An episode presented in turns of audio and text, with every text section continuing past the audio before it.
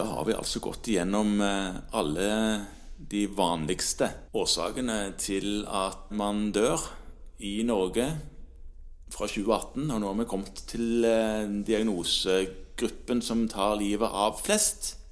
Ja, i hvert fall i det? denne statistikken. Ja, ifølge denne statistikken. Og det er da en sånn Det vi har kalt et samle... Vi har gruppert det til å være hjerteinfarkt og annen iskjemisk hjertesykdom. Og iskjemisk betyr bare at hjertemuskelen ikke får nok oksygen. Ja. Og det var det 3437 som døde av. Altså 3500, da. Ja.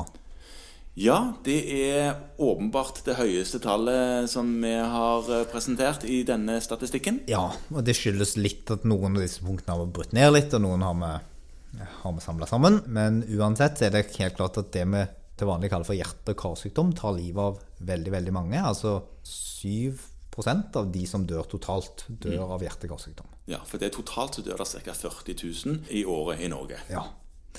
Og hjerteinfarkt er altså i kjemisk hjertesykdom, hvorav hjerteinfarkt er en av de, er jo en veldig vanlig sykdom, selv om faktisk forekomsten har, har gått litt ned.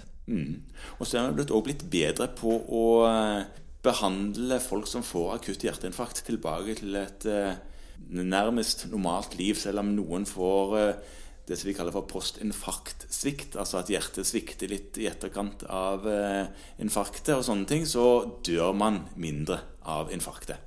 Absolutt, men fortsatt er det en sykdom som da nødvendigvis er ganske vanlig. Særlig siden vi da altså har blitt flinkere til å behandle folk med dette. Ja. Og de lever lenger med sykdommen sin. Mm. Og så er det jo relatert til røyk og fysisk aktivitet og kost, og der har jo eh, nordmenn blitt eh, litt grann eh, bedre når det gjelder røyk, men kanskje litt grann dårligere når det gjelder kost, fordi vi blir litt tyngre med tiden. Absolutt. Det er likevel positivt å se at f.eks. i England så, så man at forekomsten av akutt hjerteinfarkt for eksempel, Ja. den gikk ned fra 78 til 39 per 100 000 hos Ja. menn. På hvor lang tid da? Fra 2000 til 2010. Ja, på ti år. Ja, men det er jo veldig bra. Så hvis vi følger samme, samme trender her til land, så kanskje vi får litt færre som dør av akkurat det, selv om det skal en del til å vippe akkurat denne dødsårsaken ned fra tronen over det som tar livet av flest. Nei, men vi får gjøre en innsats på det da.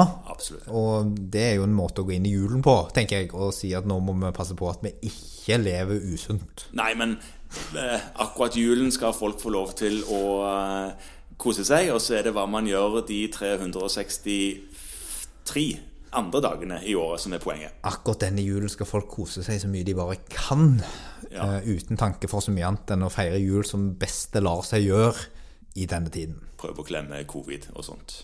God jul!